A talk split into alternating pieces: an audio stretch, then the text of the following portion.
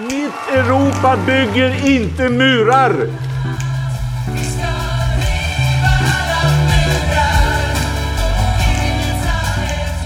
Syftet med de åtgärder som vi nu presenterar är att skapa ett andrum för svenskt flyktingmottagande. Mycket av det som regeringen sa igår ställer ju oss vi positiva till och vi tror också att en del av det kan dämpa trycket. Men vi är fortfarande oroliga för att det inte kommer att vara tillräckligt. Snälla, gör inte det här. Splittra inte familjer. Utsätt inte människor för ännu större risker.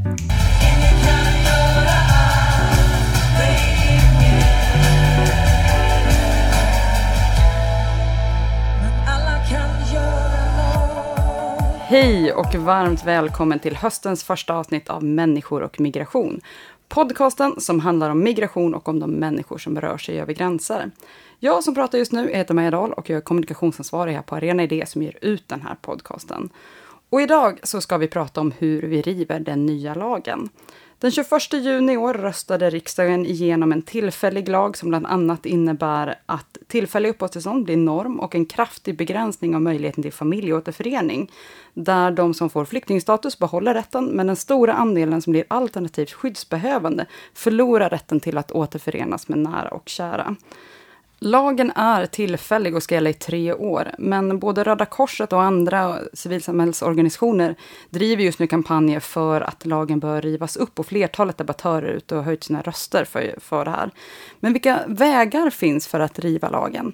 Med mig för att klara ut detta har jag som vanligt Arena Idés utredningschef, statsvetaren Lisa Pelling. Hej!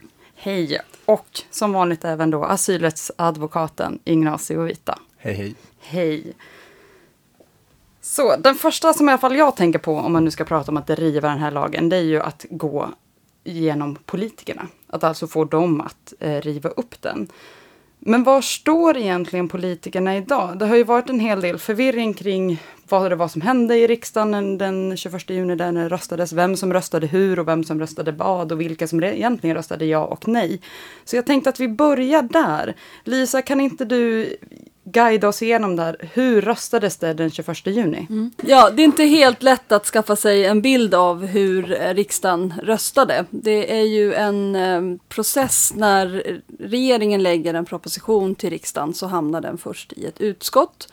Och i utskottet så får de olika partierna en möjlighet att skriva motioner och då kan de olika partierna skriva dels att de håller med regeringen men också om de i delar av den här ganska omfattande propositionen oppositionen inte håller med och också lägga fram egna förslag.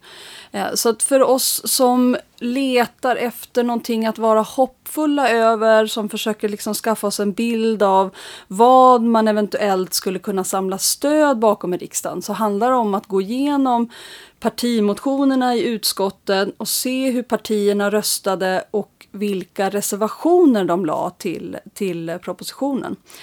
Eh, och jag har gjort ett försök att sammanställa det här, det är inte helt rätt, men jag börjar med en sak där regeringen faktiskt fick eh, stryk. Eh, och det är när det gäller kvotflyktingar. I höstas när det var en migrationspolitisk överenskommelse som vi också tagit upp i podcasten mellan regeringen och eh, allianspartierna, Vänsterpartiet och Sverigedemokraterna var utanför den uppgörelsen. Men det var ju en, en, en väldigt bred uppgörelse så kom man överens om att öka antalet kvotflyktingar från 1900 till 5000 per år. Eh, och det vill regeringen nu, eh, kan man säga, använda för att utöka möjligheten till eh, anhöriginvandring. Och det var samtliga partier emot och där eh, så röstar man också eh, emot detta. Men sen har det olika delar av propositionen tagits upp på olika sätt och då kan man konstatera att det finns stöd från samtliga allianspartier utom Moderaterna för en rad eh, frågor. Och jag kommer inte att nämna Vänsterpartiet när man nämner de här frågorna, men Vänsterpartiet har ju varit emot hela propositionen och röstade tillsammans med Centern emot hela. Så man kan ju anta att Vänstern också ställer sig bakom de här förslagen om det skulle bli aktuellt att rösta om dem i riksdagen igen. Och då finns det till exempel stöd från Centern, Liberalerna och Kristdemokraterna på att avskaffa de allra kortaste uppehållstillstånden. Så ni känner till så gör eh, den nya tillfälliga lagen samtliga uppehållstillstånd till tillfälliga. De som får tillstånd som flyktingar får det i tre år och eh, alternativt skyddsbehövande i 13 månader. Och då vill Centern, Liberalerna och KD istället se treåriga tillstånd för alla. KD vill dock göra den här förändringen permanent. De vill skriva in det i utlänningslagen permanent att huvudregeln alltid ska vara eh, tillfälliga tillstånd. Sen finns det, ja. Även om lagen, den här då tillfälliga lagen röstades igenom och man skulle ha den här ändringen så skulle just ändringen om tillfälliga uppehållstillstånd som, som norm vara permanent precis, enligt KD. Precis, ja. precis. Eh, sen finns det också en hel eh, del reservationer och motioner som rör eh, familjeåterförening. Och då kan man säga att det som är eh, gemensamt för de här är att Centern och Liberalerna och KD allihopa står upp för den migrationsöverenskommelse som man gjorde i oktober eh, och vill gå tillbaka till den och inte till det utspel som regeringen gjorde den 24 november där man utannonserade den här tillfälliga lagen och där man också sa att eh, eh, målet med den tillfälliga lagen är att Sverige ska lägga sig på europeisk miniminivå. Så det aktualiserar igen och den frågan har vi också diskuterat i podcasten tidigare den skillnaderna som finns mellan migrationsöverenskommelsen och eh, det andrumsutspel som eh, regeringen gjorde den 24 november som sen resulterade i eh, lagrådsremissen och sen till propositionen. Så jag tror att för oss som letar möjligheter att mobilisera stöd för en annan politik i riksdagen så kommer de här två eh, dokumenten att vara helt avgörande. Migrationsöverenskommelsen å, å ena sidan och eh, den tillfälliga lagen i den andra. Möjligheter att gå tillbaka kommer inte att vara möjliga utöver migrationsöverenskommelsen. Det tycker jag att, att eh, motionerna och, och, utspelen och reservationerna i den här frågan eh, visar väldigt tydligt. Jag ska säga eh, två, två saker till. Eh, det finns ett, eh, en kritik av de nya försörjningskraven och då är det både Centern och KD som driver att försörjningskraven inte ska utökas på det sätt som eh, man gör i propositionen när man, när man så att säga ehm, eh, Regeln som införs nu går ut på att personer som inte har lämnat in en fullständig ansökan om familjeåterförening inom tre månader måste uppfylla ett försörjningskrav som innebär att man inte bara ska ha möjlighet att försörja sig själv utan också hela sin familj. Och man ska eh, kunna tillhandahålla en lägenhet av tillräckligt storlek och standard för sin familj. Vilket är eh, försörjningskrav som är väldigt, väldigt svåra för nyanlända att, eh, att uppfylla. Eh, och det, det, är både Centern och KD starkt eh, eh, emot detta. Och eh, det sista Centern, Liberalerna och KD uttalar i den här processen i riksdagen, i reservationerna och motionerna, att de inte tycker att det är rimligt att ta bort möjligheten att ge uppehållstillstånd av synnerligen eller särskilt ömmande skäl. Och Liberalerna vill även ha, behålla övriga skyddsskäl. Den här möjligheten att ge uppehållstillstånd försvann när regeringen eh, så att säga uttalade ambitionen att placera sig på europeisk miniminivå eftersom det allihopa är möjligheter att få uppehållstillstånd som enbart finns i den svenska lagstiftningen och som inte är förankrade i, i internationella konventioner.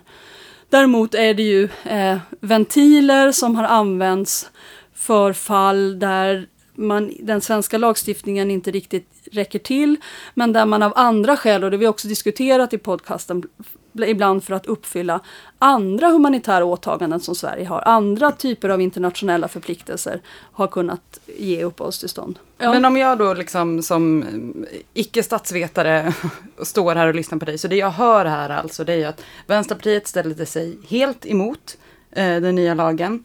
De som var inne och ruckade i småändringar, eller snarare gå tillbaka till det som var migrationsöverenskommelsen, var Centern, Liberalerna och KD. Moderaterna står helt fast och står helt bakom den nya lagen. Ja. SD står helt bakom den nya lagen.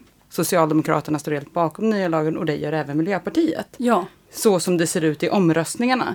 Men finns det något hopp om att det inom de här partierna finns människor eller personer som man kan eh, mm. vara inne och prata med och som kan ja. börja bygga eh, någonting inom det egna partiet? Eh, nej, det korta svaret på den frågan är nog nej. Eh, alltså eh, röstsiffrorna är väldigt tydliga. Eh, det är väldigt tydligt att partipiskan har varit oerhört hård, att det har varit ett extremt tryck på ledamöterna. För vi vet ju som har följt debatten och som känner många av riksdagsledamöterna som personligen väldigt engagerade i de här frågorna. Vi vet att många, både socialdemokrater och miljöpartister, har arbetat hårt för att, för att eh, Eh, den här eh, propositionen inte ska skrivas på det sätt som den har skrivits. Men när man väl kom till omröstningen så var det bara Vänsterpartiet och Centern som helt röstade för att man skulle avslå, eh, avslå propositionen. Tillsammans med fyra stycken miljöpartister. Och deras öde är också illustrativt för det öde som man kan anta väntar andra riksdagsledamöter som gör försök att bryta mot eh, partiledningen. Eh, eh, det var nämligen Carl Slyter och Walter Mutt som röstade emot inom Miljöpartiet och de blev av med sina utskottsuppdrag. Och när de blev av med sina utskottsuppdrag så lämnade också Jabbar Amin och Annika Lilmets sina uppdrag. Och de här fyra riksdagsledamöterna för Miljöpartiet har det gemensamt att de alla röstade för att eh, ehm, propositionen inte skulle antas, alltså att den tillfälliga lagen inte skulle antas. Så de har då fått ett väldigt hårt straff. Inom Socialdemokraterna, som är det största eh, partiet som mobiliserade 106 röster för att propositionen skulle anta, inte en enda nej-röst, inte en enda röst som, som avstod, sju stycken, vilket är ganska lite, eh, som tilläts vara, vara frånvarande. Eh, där fanns det två personer som i frågan om familjeåterförening röstade, eh, valde att avstå i en sån avgörande omröstning. Eh, och det var Laven Redar och eh, Sara Karlsson. Men ingen annan socialdemokratisk riksdagsledamot. Så vitt jag har förstått och så vitt jag läser protokollen från riksdagens omröstningar så det är bara de som har röstat annorlunda. Och då har de inte röstat nej, utan de har röstat att de har avstått. Så det vi alltså ser en ganska tydlig partipiska rakt över? Ja, absolut. Och om man ska rangordna de tre liksom, möjligen framkomliga saker som man möjligen skulle kunna liksom eh, som åtminstone har en förutsättning att få en bred parlamentarisk majoritet. Och med bred så menar jag då alla partier utom Sverigedemokraterna och utom Moderaterna, för där ser jag inga som helst eh, öppningar. Då skulle det vara att eh, förlänga de allra kortaste uppehållstillstånden, de som är nu på 13 månader till 3 år. Eh, att ge även alternativt skyddsbehövande någon form av rätt till familjeåterförening. Och att ta bort kraven, de utökade kraven på försörjning vid familjeåterförening. Det är som jag ser det de de tre eh, eventuella möjligheterna. Mm.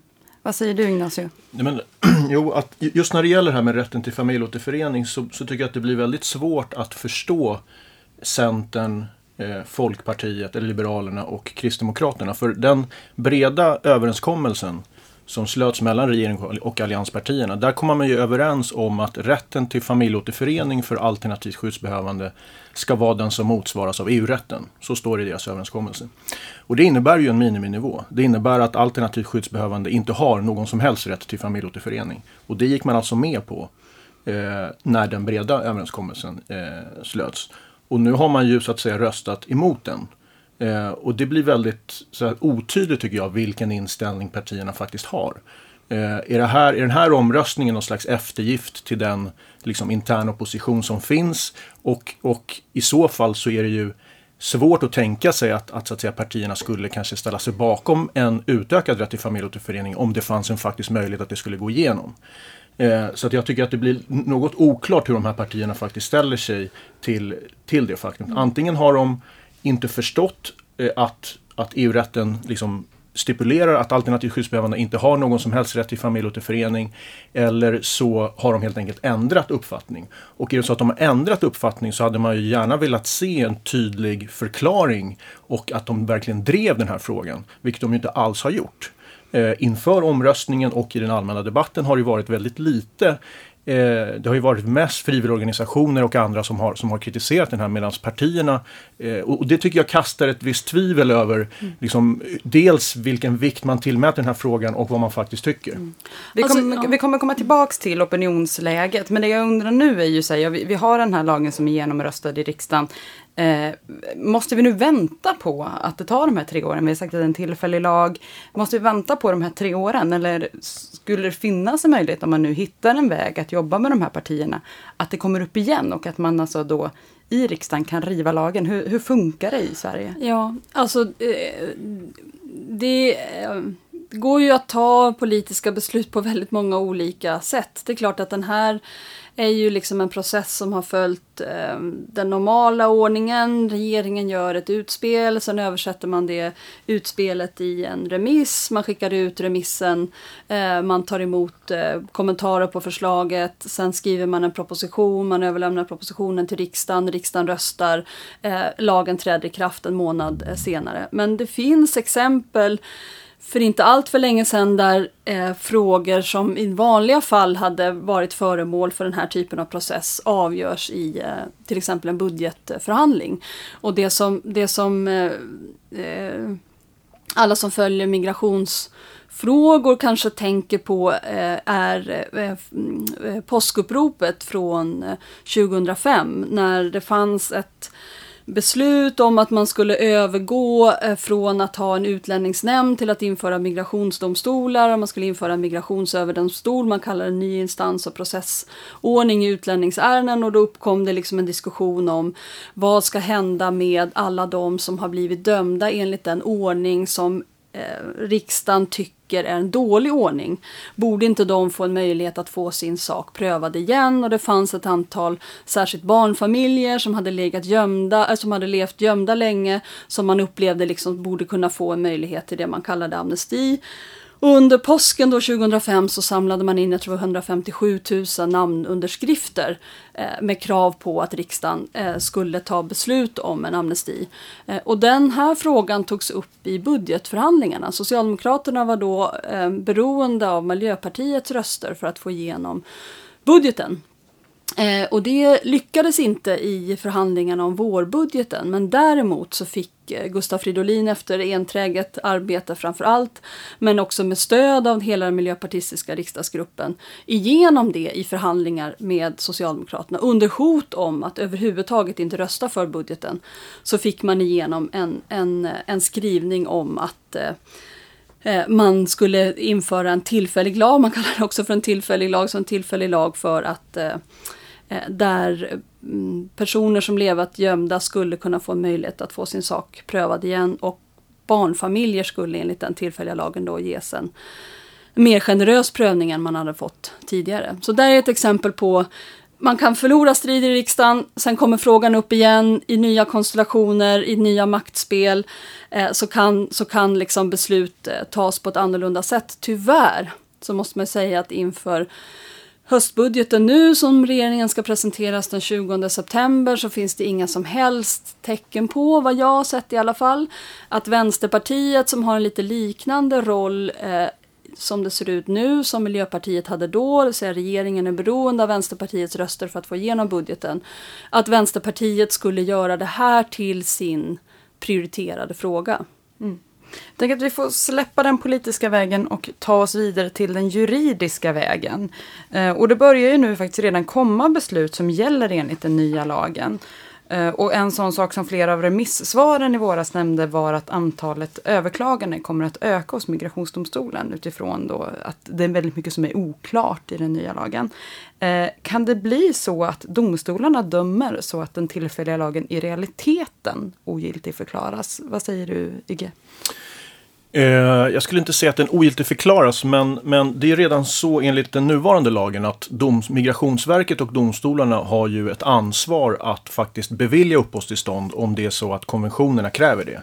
Så att, så att det finns ju liksom redan nu en möjlighet att göra undantag kan man väl säga från huvudregeln. Nämligen, om, om vi tar till exempel att alternativt skyddsbehövande inte har rätt till familjeåterförening. Så måste Migrationsverket och domstolarna ändå bevilja familjeåterförening om ett avslag, ett negativt beslut skulle innebära att, att det utgör en kränkning av en rättighet som finns i en konvention. Eh, och då är frågan så här, hur domstolarna kommer att hantera den här möjligheten. För det är en möjlighet som de inte har haft tidigare och det är någonting som normalt sett politikerna bedömer. Nämligen att innan de, de så att säga, lagstiftar om en lag så säkerställer de att lagen inte bryter mot någon konvention. Nu har man ju nu är man ju medveten om att det kommer finnas ett antal situationer där den här lagen faktiskt bryter mot vissa konventioner och därför har man då överlämnat det där ansvaret till Migrationsverket och migrationsdomstolarna. Så att i praktiken så kan man säga att det kommer förhoppningsvis finnas situationer där både Migrationsverket och migrationsdomstolarna anser att neka till exempel rätten till familjeåterförening för alternativskyddsbehövande kommer man inte kunna göra. Så man, så, men det kommer inte innebära att lagen som sådan ogiltig förklaras för att den här möjligheten finns ju in, inbyggd i lagen. Och det kommer att prövas varje fall för sig. Det är inte så ja. att Migrationsverket fattar ett vägledande beslut och alla fall efter det prövas annorlunda. Så kommer det inte att eller varje fall kommer att prövas för sig för att se strider just det här fallet mot eh, Sveriges konventionsåtagande. Ja, ja. exakt. Mm. Så, kommer det, så kommer det bli. Mm. Eh, och då är det ju, alltså vissa, vissa delar av den här lagen är ju särskilt liksom problematiska. Dels är det rätten till familjeåterförening för alternativt skyddsbehövande. Det är det här med försörjningskravet, hur det kommer att tillämpas i praktiken. Och inte minst svårt sjuka barns möjligheter att få uppehållstillstånd i Sverige. De tre tror jag kommer bli eh, några av de, av de liksom juridiska utmaningar som både Migrationsverket och migrationsdomstolarna kommer vara tvungna att ta ställning till och där det finns en potentiell möjlighet att, att domstolarna dömer på ett sådant sätt så att den här lagen inte får fullt ut det genomslag som våra politiker vill. Mm. En annan aspekt, och nu var ju du inne och pratade en del om, om barn och hur, hur det här påverkar barn. Och en annan aspekt som vi dessutom har pratat mycket om här i podden innan är ju just regeringens vilja att göra barnkonventionen till svensk lag. Samtidigt då som man har instiftat den här lagen som är en, en lag som slår väldigt hårt mot just barn. Mm. Eh, går det nu att liksom införa barnkonventionen och svensk lag behåller den här lagen eller är det en juridisk väg att gå att driva på för att barnkonventionen ska bli svensk lag? Så att det blir svårare. Jag tycker absolut att det är en viktig, väldigt viktig strategi att försöka få barnkonventionen att bli lag. Dels för att det är väldigt viktigt att stärka barns rättigheter generellt men i synnerhet i, i, i samband med den här nya tillfälliga lagen. Men det i sig kommer inte att nödvändigtvis att lösa alla problem för det, frågan är bara hur man inkorporerar barnkonventionen. Och det förslaget som finns nu det är ju att man ska göra eh, barnkonventionen till en vanlig lag. Alltså, alltså att man tar in barnkonventionen så som en svensk lag. Och då blir den nya tillfälliga lagen och lagen om barnkonventionen, de blir två likställda lagar. Och när de kommer i konflikt så är det inte givet vilken lag som faktiskt ska ha företräde. Så att även om man inkorporerar barnkonventionen i svensk rätt så kan det bli så att man ändå måste tillämpa den tillfälliga lagen framför barnkonventionen. För när man har en sån konflikt mellan två likställda lagar då, eh, då finns det lite olika metoder som jurister använder sig av för att definiera vilken lag som ska ha företräde. Och en sån metod handlar ju om, den kallas för lex specialis, vilket innebär att det är den mest specifika lagen som har företräde framför den mindre specifika lagen. Och vid en sån tillämpning, då skulle ju den tillfälliga lagen, den är ju mycket mer specifik migrationsrättslig än vad barnkonventionen är som ju är liksom en generell rättighetskatalog. Och då skulle den tillfälliga lagen tillämpas i strid egentligen mot, mot barnkonventionen. Sen finns det en annan som kallas för lex posterioris som innebär att eh, det är den lag som har stiftats senast som äger företräde framför en lag som har tillämpats tidigare. Och med den metoden så skulle ju barnkonventionen ha företräde framför den tillfälliga lagen. Och sen finns det ytterligare en metod som Högsta domstolen har, har uttryckt och, och de menar att, att är en lag som, är, som utgör en inkorporation av en människorättskonvention, då har alltid en sån lag, bör alltid ha företräde fram, framför en vanlig lag. Så det man kan konstatera bara det är att om man godtar det förslaget som finns nu så vet vi inte riktigt vilken betydelse det kommer att få. Eh, därför tycker jag att, att vill man som politiker stärka barns rättigheter, inte minst i relation till den tillfälliga lagen, då bör man ju driva att barnkonventionen ska inkorporeras, inte som en vanlig lag, utan att den ska ges någon form av grundlagslik ställning så som Europakonventionen har. Där man ju aldrig får, det spelar ingen roll vilken lag den är, du får aldrig tillämpas i strid mot, mot Europakonventionen. Och en motsvarande inkorpor inkorporation vore ju bra att ha avseende barnkonventionen. Så att det, det, finns en risk att vi liksom fastnar i frågan om ska vi inkorporera barnkonventionen eller inte och, och inte så att säga diskuterar på vilket sätt vi ska göra det. För det kommer få en avgörande betydelse för om barns rättigheter ska få ett verkligt och effektivt genomslag eller inte. Ja, ett annat perspektiv som kommer bli mer och mer omdiskuterat är ju då de här, de här personerna som nu får ett tillfälligt uppehållstillstånd, hur de ska komma ut på arbetsmarknaden. Och konsekvenserna av att rätten till familjeåterförening så pass liksom skarpt knutits samman med att skaffa ett jobb. Eh, så jag tänker att vi ska titta lite grann på den arbetsrättsliga vägen till att driva lagen. Lisa, du skrev den 21 juli på DN Debatt om just facken och arbetsgivarnas ansvar nu när den nya lagen liksom trätt i kraft. Kan du liksom kort för lyssnarna eh, sammanfatta vad arbetsmarknadens parter kan göra?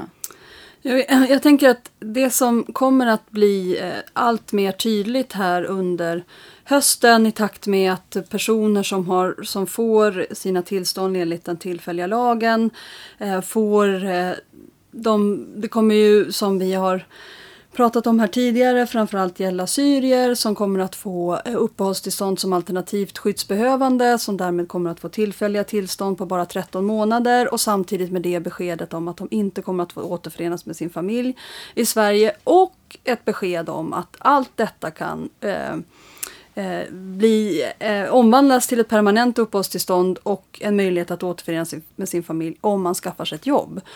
Och det jobbet måste vara eh, eh, så pass omfattande att man får en lön som man kan försörja sig på och villkoren ska vara de som motsvaras av eh, kollektivavtalet i den, i den bransch eller sektor där man, eh, där man jobbar.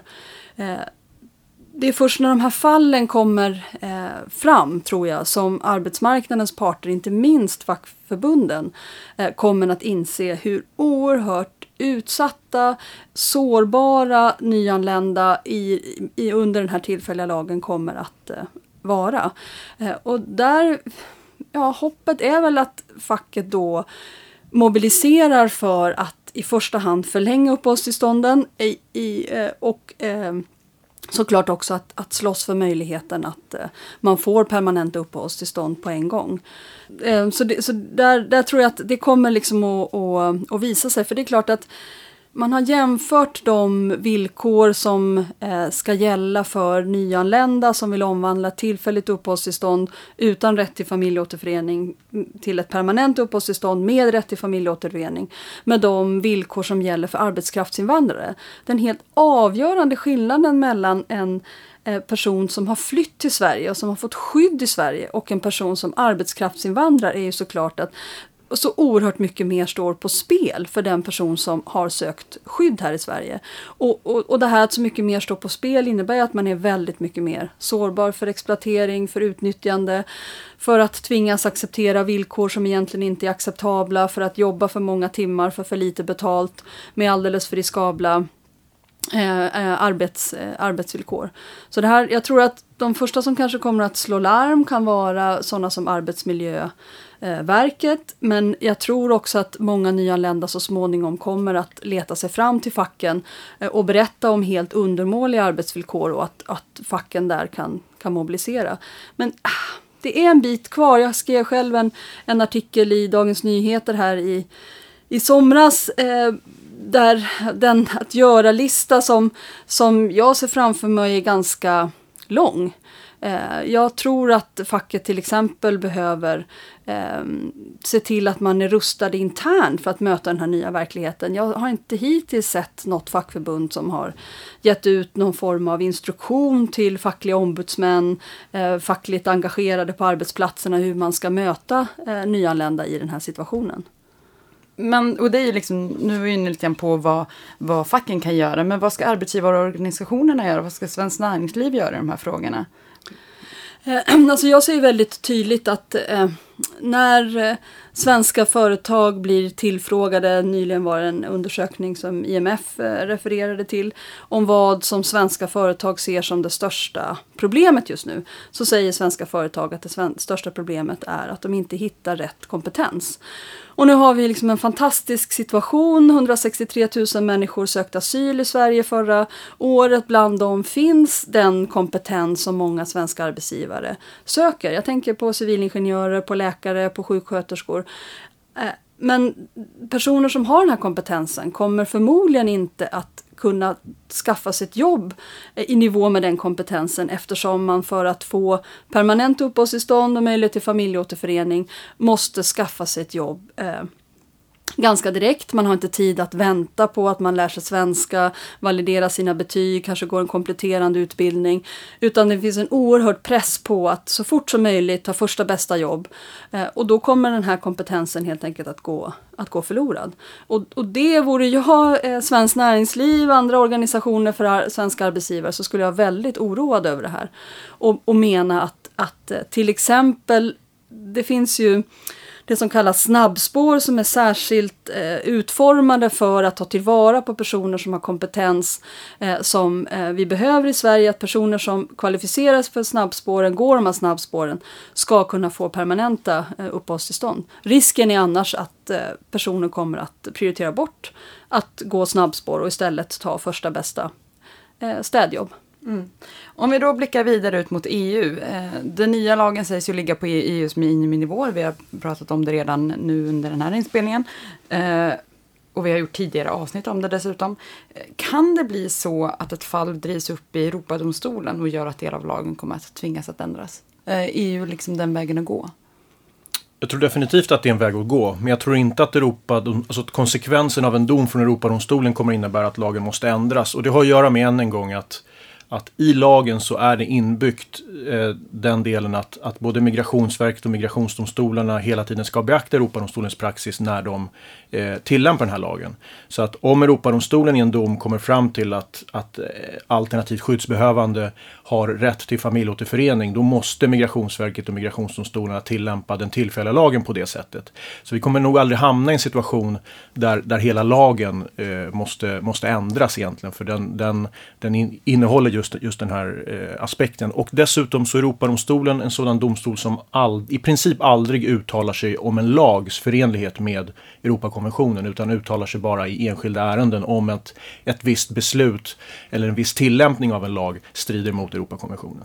Eh, men det blir en otroligt viktig strategi att föra upp mål till Europadomstolen för att få så att säga klarhet i, i, i vilka situationer som, som Europakonventionen faktiskt kräver att tillstånd beviljas. Och det gäller både när det gäller rätten till familjeåterförening, svårt sjuka barn och, och generellt många olika eh, aspekter av, av den här tillfälliga lagen. Mm. Eh, regeringens ambition har ju liksom man också sagt att anledningen till att man sätter oss på en miniminivå nu är att få andra länder i EU att liksom step it up. Det är ett argument som man använt för att driva igenom de här förändringarna.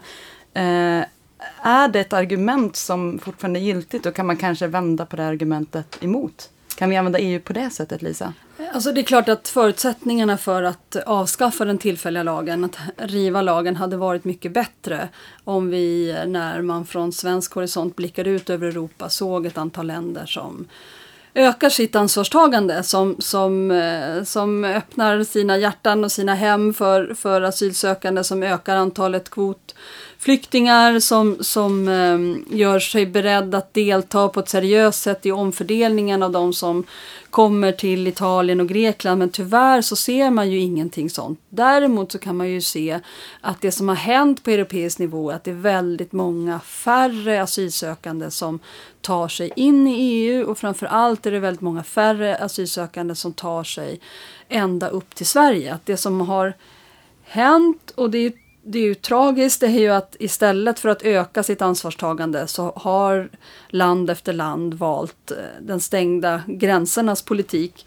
Och det är den typen av politik som vi varnade för när Sverige införde id-kontroller och sen gränskontroller, att det här är en del av en dominoeffekt som gör att Tyskland stänger gränsen mot Österrike, som stänger gränsen mot Ungern, som stänger gränsen eh, och som stänger eh, sen längs med hela Balkanrutten. Och vi vet ju också att den sista dominobrickan, precis som har förutsetts, faller liksom på gränsen mellan Turkiet och Syrien som ju numera är en stängd gräns. Där människor som har fått eh, besked om att de kan få återförenas med en anhörig i Sverige men som måste ta sig ut ur Syrien fram till en svensk ambassad i Ankara eller i Amman för att lämna in en ansökan om familjeåterförening möts av beväpnade vakter med befäl att skjuta på flyende.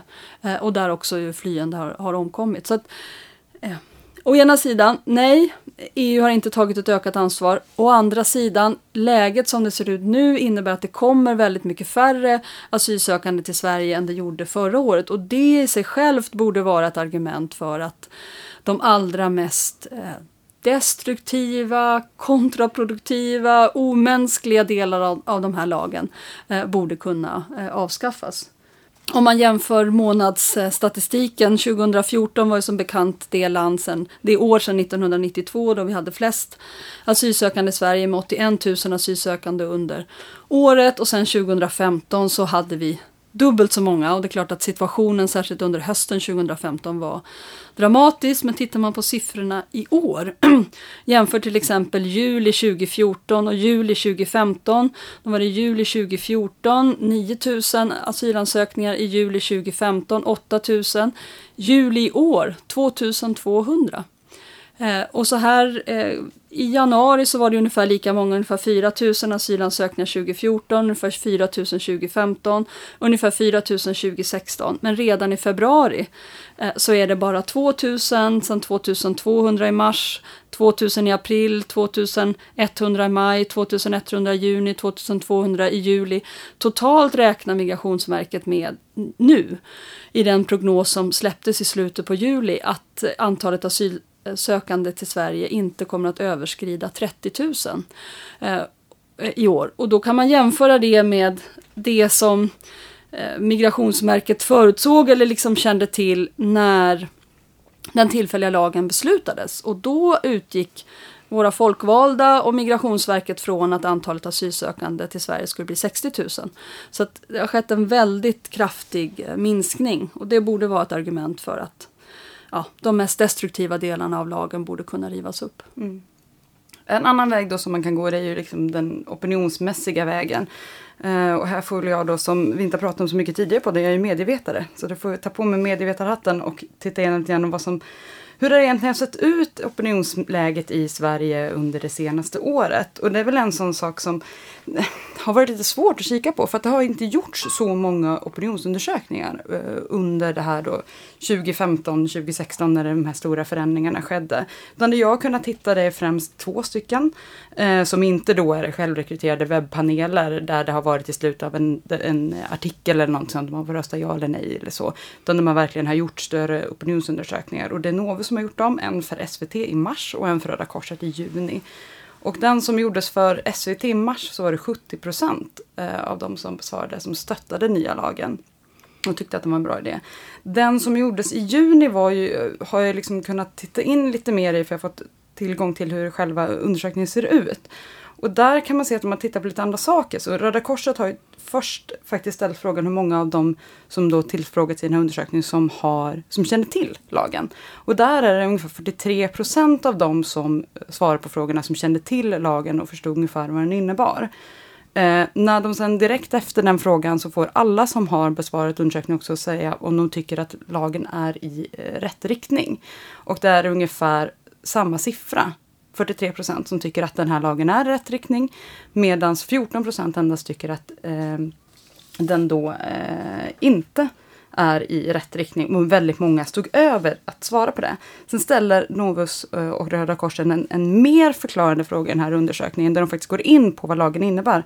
Väldigt kort och ganska neutrala ordalag förklarar då att det är tillfälliga uppehållstillstånd som gäller och att eh, det kommer bli svårare att få för familjer att kunna återförenas. Och när den frågan ställs Eh, till då samma gäng igen, så ökar andelen som håller med att det är helt rätt riktning till 46 procent. Men det som är viktigt och ty eh, tydligt här, det är att hela 36 procent då helt plötsligt tycker att det är helt fel riktning jämfört med 14 procent innan man riktigt var säker på vad det innebar. Så det man kan säga om den här lagen och opinionsläget, hur det har varit, är väl att kanske inte så himla många kände till vad faktiskt lagen var. Och ja, det är väl inte jättemånga som känner till lagändringar i Sverige överhuvudtaget. Om man skulle göra sådana här opinionsundersökningar på varje lag så tror jag inte den siffran skulle vara så himla hög. Jag vet inte vad statsvetaren säger om det. Mm. Nej, det stämmer säkert. Men, men däremot så, så ja, är det väldigt hoppingivande att när människor lär sig mer så är man mer kritisk än man var eh, tidigare. Ja, och en sån sak som man också kan lyfta i liksom man pratar opinionsläget, det är ju de kampanjer som har drivits. Så då Folkkampanj för asylrätt som har ju varit en namnunderskriftskampanj som drevs under året. Där hela 67 382 namnunderskrifter samlades in från Sverige till att faktiskt stoppa lagen helt och hållet det är en ganska stor andel människor som då har skrivit under det. Och tittar man, jag har ju tittat en del på de artiklar som har skrivits om lagen för att se lite grann så här, varför kanske inte så många som visste vad den berodde på. Har man beskrivit konsekvenserna? För det man kan säga, liksom så här, vad är det som skulle kunna få människor att ta ställning till den här lagen? Och det är ju att se, ta ställning mot det regeringen säger. Så här, man säger att det är en dålig lag, den är, den är dålig för etableringen, man vet att det kommer försämra möjligheten för att få uppehållstillstånd och för att få stanna i Sverige. Det har varit själva syftet att det är färre som ska söka, söka asyl här. Men det är för att man har pratat om den här systemkollapsen. Sverige klarar inte av det här. Så att det, de artiklar som jag har varit inne och tittat på, det är för att se så här, men är det någonting som säger emot? Hur beskriver man lagen? Så jag läste ungefär 400 artiklar som har skrivits från den 24 november till den 20 juni när det här röstades. Och de flesta artiklarna beskriver ju eh, väldigt kort vad lagen faktiskt innebär, vad regeringen föreslår. Eh, de och sätter det just i den kontexten, varför regeringen föreslår de här, eh, de här ändringarna. Tar man upp en annan bild så tar man upp eh, remissvaren. Eh, alltså vad remissinstanserna som Röda Korset, Rädda Barnen, de olika domstolarna, förvaltningsrätten har varit inne och skrivit. Och just att de, de här expertinstanserna är eh, negativa till lagen. Men det sätts i de artiklar jag har tittat igenom sätts det nästan hela tiden i kontexten av att regeringen anser sig nödgade till att driva igenom det här. En stor del av artiklarna handlar även om det politiska spelet bakom lagen. Alltså, hur ser det ut inom Miljöpartiet? Vad, vad är det som händer när Miljöpartiet som tidigare jobbat väldigt mycket för asylrätt är de som faktiskt är det, det, ett av de partier som driver fram den här väldigt restriktiva lagen. Så mycket av artiklarna tittar på det och inte alls så mycket faktiskt vem det är den här lagen drabbar. Av de ungefär 400 artiklarna jag har läst så är det endast en nyhetsartikel som sätter lagen i, konsekvent, alltså i kontexten vem det drabbar och lyfter upp hur familjeåterförening, just väntan på din familj, hur det är att vara den personen och intervjua där en, en man som väntar på, på sin familj som ska få komma till Sverige för att den här mannen då inte drabbas av nya lagen. Men där man skriver i den här artikeln då skulle har drabbats om han hade kommit efter den 24 november. Så det, det, jag kan se liksom av mediegenomslaget kring lagen är ju att konsekvenserna saknats.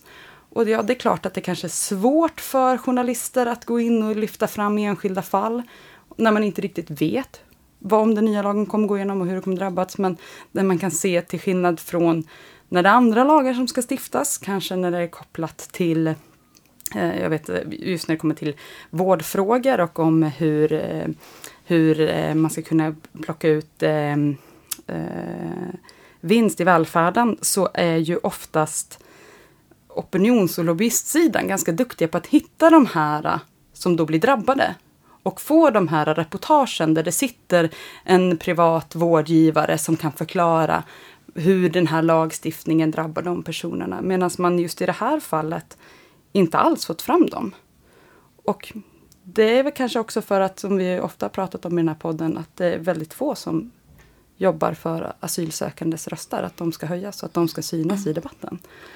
Det, det tror jag i alla fall, som utifrån vad jag tittat igenom nu, är någonting som har påverkat väldigt mycket. Att man har sett den här lagen som nödvändig. Mm.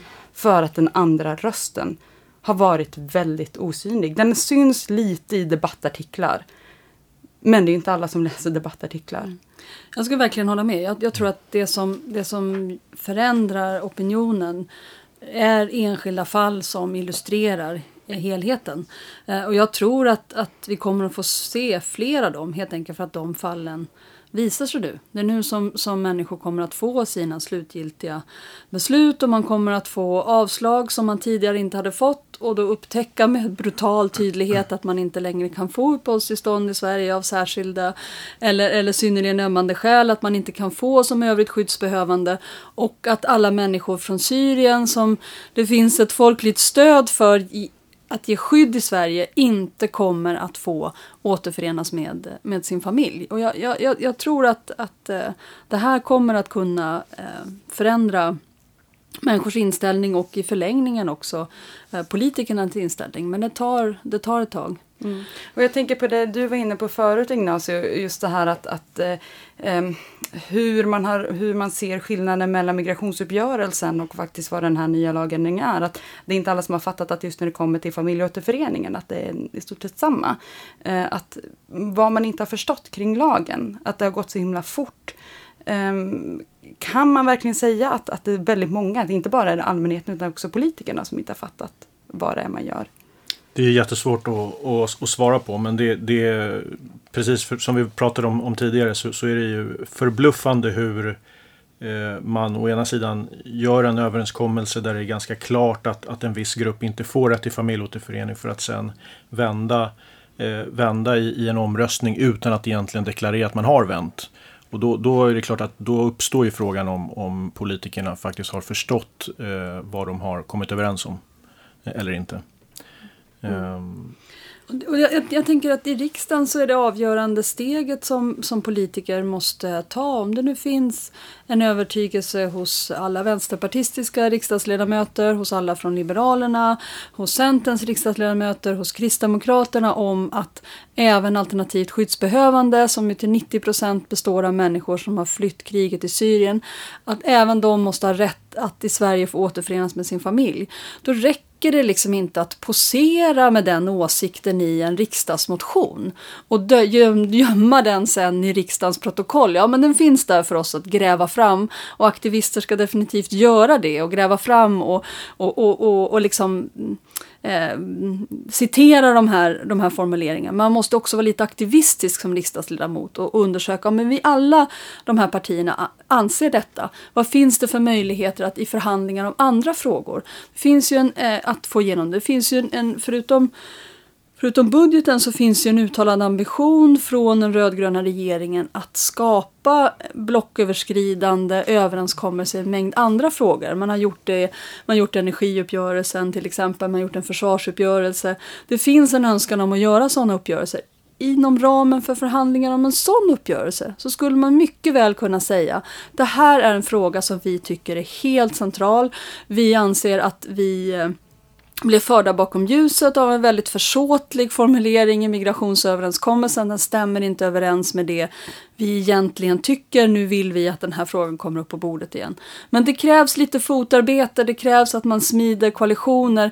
Det räcker inte med att de här partierna skriver varsin motion, man måste samordna sig, måste ställa krav, man måste välja ett politiskt eh, tillfälle. Men, men eh, det går. Och jag tänker att där krävs det ju också att man känner att man har opinionen med sig. Och det i sin tur kräver ju att de personer som faktiskt de som skulle ha lyft asylsökandes röster under det senaste året också stepper up om jag får vara lite hård så kan man ju titta på att här, ja, det är ju en grej vad Röda Korset och Rädda Barnen har drivit eh, i möten och lobbymöten med de olika riksdagsledamöterna. Men om man tittar utåt och tittar på kampanjer så började de med sitt kampanjarbete i början på juni. Röda Korsets stora satsning Rivlagen lanserades den 6 juni i Nyhetsmorgon. Och det är två veckor innan lagen skulle röstas om i riksdagen. Det lilla jag kan om politik är att två veckor innan en lag röstas igenom, eller ska, ska upp för omröstning, när det gäller något sånt här stort, så ändrar man inte riksdagsledamöters röster. Nej, Nej då hade partipiskan vin för länge sedan och allt, allt, var, allt var redan bestämt. Ja, det var ju i december, januari när, när parti, alltså riksdagsgrupperna skulle fatta sina beslut. Det var ju då det fanns en intern opposition som ju hade mått väldigt bra av att få en, en kampanj, en rapport i handen, information om, om och, och ett stöd i, i den interna kampen som, som skedde då. Liksom. Men just då var det ganska tyst från, från väldigt eh, många sidor. Mm. Eh, nej, men det finns två saker som civilsamhället i, i stort, jag passar passa på att säga att det arbete som Rädda Barnen, Röda Korset, Amnesty lägger ner nu. Det är inte förgäves. Det, det, liksom, det var för sent nu men det handlar om att vi förlorade ett slag men vi ska vinna kriget. Så det är klart att man fortsätter att bearbeta opinionen och ge ut rapporter så ger det liksom resultat eh, någon gång. Eh, så det, det, det, det, är liksom viktigt att, att säga det. Det andra är att jag tror att den här idén om systemkollaps skulle behöva liksom motbevisas. Vi skulle behöva ha lite mera tillförsikt om att Sverige inte gick sönder hösten 2015, att vi inte skulle göra det om hösten 2015 skulle återupprepas, om vi igen nu i månadsskiftet äh, eh, augusti-september skulle se att, att äh, kurvorna plötsligt började peka uppåt igen. Så äh, vi fixade det ganska bra. Vi har ett samhälle som faktiskt är väl rustat för att ta hand om den här typen av oväntade eh, händelser. Och där tror jag att, att eh, eh, civilsamhället har en väldigt stor roll i att eh, vittna om det här. Hur det, hur det gick till, vad som gick bra, vad man har lärt sig. Vi ska själva bidra med en konferens nu i januari om flyktingmottagande i Sverige och på europeisk nivå. Vi har skickat ut en Save the Date till 200 kommuner över hela eh, kontinenten. Så det ska bli jättespännande. Och sen ska ju regeringen också utreda detta. Så det blir väldigt intressant att se på Gudrun Antemars utredning som kommer att komma i början av nästa år. Mm, nu är vi lite grann inne på min sista fråga här som jag ändå skulle vilja att ni, att ni besvarar. Och det är ju att vi har gått igenom ett antal sätt här att driva den nya lagen, eh, den tillfälliga lagen. Vad ser ni som det starkaste sättet att arbeta framöver?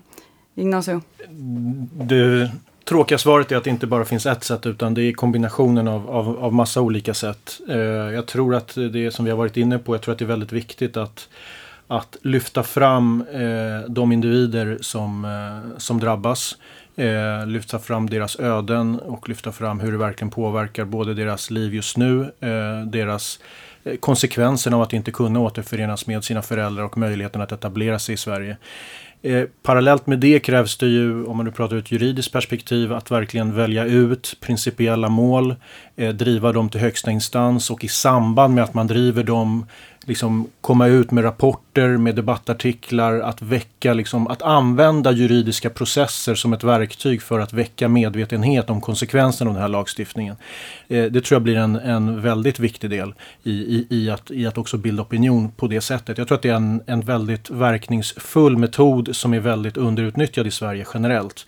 Eh, och jag tror att den, den, vi får liksom inte hamna i ett läge där vi får massa principiella avgöranden som media inte får reda på eller omvärlden inte får reda på utan vi måste använda de processerna för att eh, utbilda våra politiker med, eh, och öka medvetenheten kring, eh, kring de här aspekterna. Eh, det tror jag blir en viktig del. Mm. Statsvetaren, vad säger du Lisa? Ja, jag, jag, jag tänker precis som, som man inom riksdagen måste skapa koalitioner. Det räcker som sagt inte att enskilda riksdagsledamöter eller ens enskilda partier har aldrig så fina åsikter i de här frågorna utan man måste liksom smida konkret eh, politik, bilda allianser, Eh, skapa de riktigt eh, de politiska tillfällen som finns för att, för att få igenom det. Till exempel i samband med andra förhandlingar om blocköverskridande överenskommelser. Men tror jag att, att det här med koalitionsbyggande gäller också för väldigt många andra aktörer. Det handlar ju om att de jurister som jobbar med de här frågorna, som är närmast de som drabbar, som har de enskilda fallen, får möjlighet att, att kommunicera dem, att sprida dem. Eh, och, och då är inte bara grupper utan det måste ju handla om de stora stora folkrörelserna, Röda Korset är, är en sån, men den svenska fackföreningsrörelsen är en annan. Och jag tror att den insikten inom den svenska fackföreningsrörelsen om att det här handlar om människor som kanske är de som är allra mest sårbara och utsatta av alla på den svenska arbetsmarknaden. Och, och gör att det borde vara, liksom vara en prioriterad grupp för fackföreningsrörelsen att, att jobba för, att uppmärksamma, att, att stärka och då kommer man eh, inte att kunna eh, backa för att också eh, jobba för en annan form av asyl och, och flyktingpolitik. Det, det, det, måste till för att man ska kunna skydda de eh, arbetstagarna på ett vettigt sätt. Tusen tack för det Lisa och Ignacio. Med det så är det dags att avsluta höstens första avsnitt och säsong, premiäravsnittet för säsong två av Människor och migration.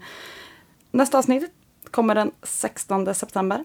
Eh, om du som lyssnat nu eh, vill höra något annat från eh, Arena Idé medan ni väntar på nästa avsnitt så lyssna gärna på vår syskonpodd Pengar och politik som också har kickat igång för hösten. Ni kan även lyssna på Arena Play där Arena Idé lägger upp eh, våra seminarier som vi eh, spelar in eller som vi arrangerar. Och allt där hittar ni antingen via Soundcloud, iTunes eh, eller valfri podcast-app. Har ni några frågor eller kommentarer på dagens avsnitt så går det jättebra att antingen twittra det till oss på arenaid eller skriver på Facebook-sida. Sök på människor och migration på Facebook så hittar ni oss där. Det var allt för oss idag. Tusen tack till dig som har lyssnat. Tack Lisa och Ignacio. Tack. Hej då.